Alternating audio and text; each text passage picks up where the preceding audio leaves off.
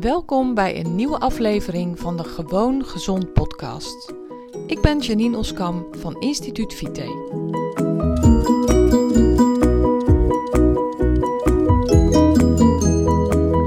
Hi, welkom weer bij een nieuwe aflevering van mijn podcast. Superleuk dat je luistert en ik wil het vandaag hebben over stress. Over de voordelen van stress de nadelen van stress. En ehm, eigenlijk een hele super belangrijke, eenvoudige manier waar, uh, waarmee je kan zorgen dat je geen last krijgt van te veel stress.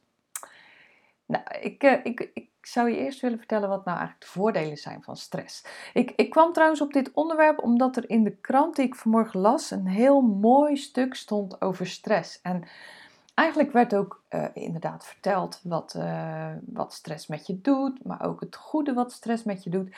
Dat je zelfs niet kunt leven zonder stress. Hè? Wij denken, een heleboel van ons denken dat stress alleen maar negatief is. Maar uh, het is dus zo dat je zonder stresshormonen niet kunt leven, dan ben je gewoon dood. En ja, dat maakt het dus ook gewoon, um, zeg maar, onmisbaar in je leven. Alleen in onze huidige tijd hebben we vaak wel een beetje veel van dat goede. Um, als je stress hebt, dan uh, zorgt dat ervoor. Nee, ik moet anders zeggen.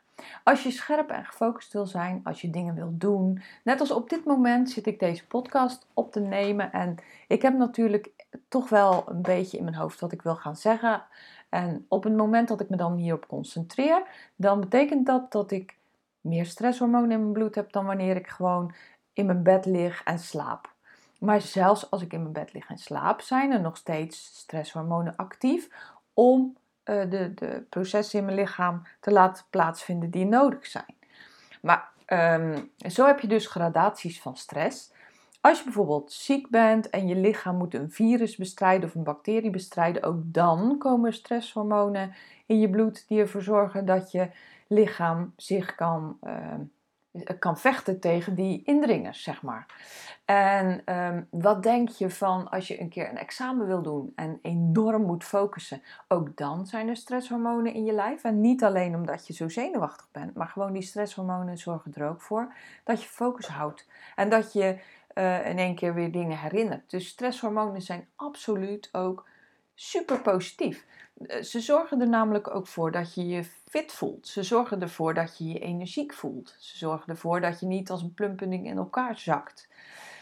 Uh, maar wat, wat denk je ervan dat als je op een gegeven moment bedreigd wordt? Dus, uh, nou, hier komen die niet zoveel voor, hè, maar als er een leeuw achter je aankomt, dan zorgen stresshormonen ervoor dat je kunt vluchten in die boom.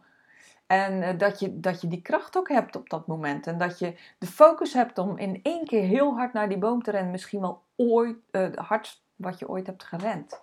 Dus ook dan doen stresshormonen hun absolute noodzakelijke werk.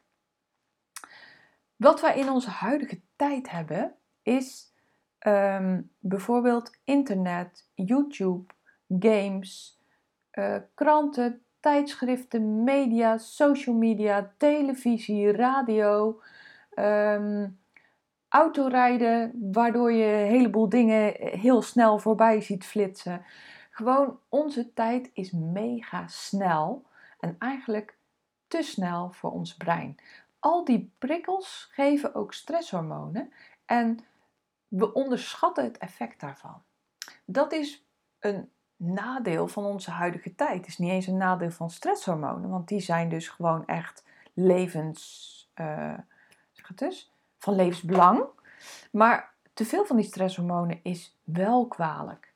Wij leven in de tijd dat er door de prikkels die ik net noemde, hè, radio, televisie, social media, gamen, uh, snel over de snelweg racen, worden er heel veel uh, worden onze hersenen geprikkeld, komen er stresshormonen vrij, meer dan je lief is. Nou, en uh, we onderschatten echt de effecten daarvan. Daarom zeg ik tegen mijn cliënten altijd van, ga na 9 uur s avonds geen prikkelende schermen meer uh, voor je ogen houden. Dus gewoon televisie uit, je laptop dicht, je telefoon eh, weg. Gewoon een paar uur voor je gaat slapen, rust. En dan kan je nog wel een boek lezen, want dat is op zich, ja, kan dat ook weer stress geven, maar is wel veel rustiger voor je brein dan voor een televisiescherm zitten waar van alles overheen schiet en waar lichtflitsen je hersenen stimuleren en waar je allerlei indrukken krijgt. Misschien bang bent omdat er iets spannends gebeurt op televisie, misschien verdrietig wordt omdat er iets is wat je, omdat je iets ziet wat je verdrietig maakt. Noem maar op, ga zo maar door, ga maar verder. Gebeurt in een boek ook, kan in een boek ook gebeuren, maar heeft toch een ander effect op je dan, wanneer je dat van een scherm uh, afkomt en wanneer ook zeg maar die lichtintensiteit daarmee gepaard gaat. Nou, wat ik net al zei, er is eigenlijk ook een heel eenvoudig middel om de invloed van stress te beperken. En dat is uitrusten. Gewoon uitrusten. En dan voornamelijk je brein laten uitrusten. En dat is een ding wat moeilijk is. Want wij denken namelijk bij ontspannen aan leuke dingen doen. Uh, een potje gaan tennissen. Um, een rondje gaan zwemmen. Ehm, misschien wel gamen. Maar dat is voor je brein niet ontspannend. Niet ontspannend genoeg om je stresshormonen te laten zakken. Ten eerste is het heel erg goed om te bewegen. Als je veel stress hebt gehad, als je beweegt, dan voldoe je aan je natuurlijke behoefte om de stress te reduceren. En ten tweede moet je je brein de kans gunnen om echt te ontspannen. En dat doe je door bijvoorbeeld lekker op de bank te gaan liggen en je ogen te sluiten. Of door in, ehm, in het donker te gaan zitten en lekker na te denken over leuke dingen. Of door ehm, ja, gewoon echt rustig aan te doen.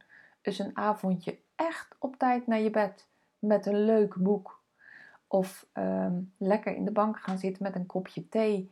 Terwijl je mijmert over de dingen die je nog graag wil doen.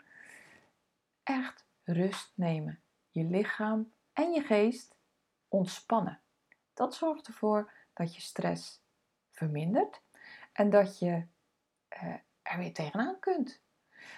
En we onderschatten tegenwoordig in onze drukke tijd, waarin we altijd maar moeten gaan, gaan, gaan, gaan, gaan. En altijd aan moeten staan. Want als je niet binnen 10 seconden reageert op het berichtje van je vriendin via WhatsApp, dan uh, gaat ze je bijna al bellen van: uh, Goh, zie je mijn berichtje niet of zo? En we zijn in onze tijd zo verschrikkelijk gehaast. Staan altijd maar aan.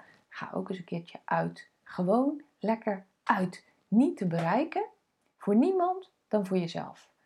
Of lekker in een warm bad. Dat is ook nog zoiets waar je echt van ontspant. Ehm, lekker, ehm, ja, gewoon misschien even heel erg rustig wandelen in de vrije natuur.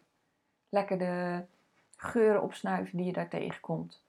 Echt helemaal relaxed zijn en zorgen dat je brein van de stress afkomt. Doen we veel te weinig, is super eenvoudig. Nou, voor sommige mensen is het niet eenvoudig om die telefoon, die televisie en die laptop uit te zetten. Maar het, het is wel heel erg eenvoudige oplossing. Die ervoor zorgt dat je gewoon de dag erna weer er tegenaan kan. En het zorgt ervoor dat je lichaam kan ontspannen. Tegenwoordig zijn we veel te weinig ontspannen. En ontspannen is niet met vrienden in een café gaan zitten en daar lol maken.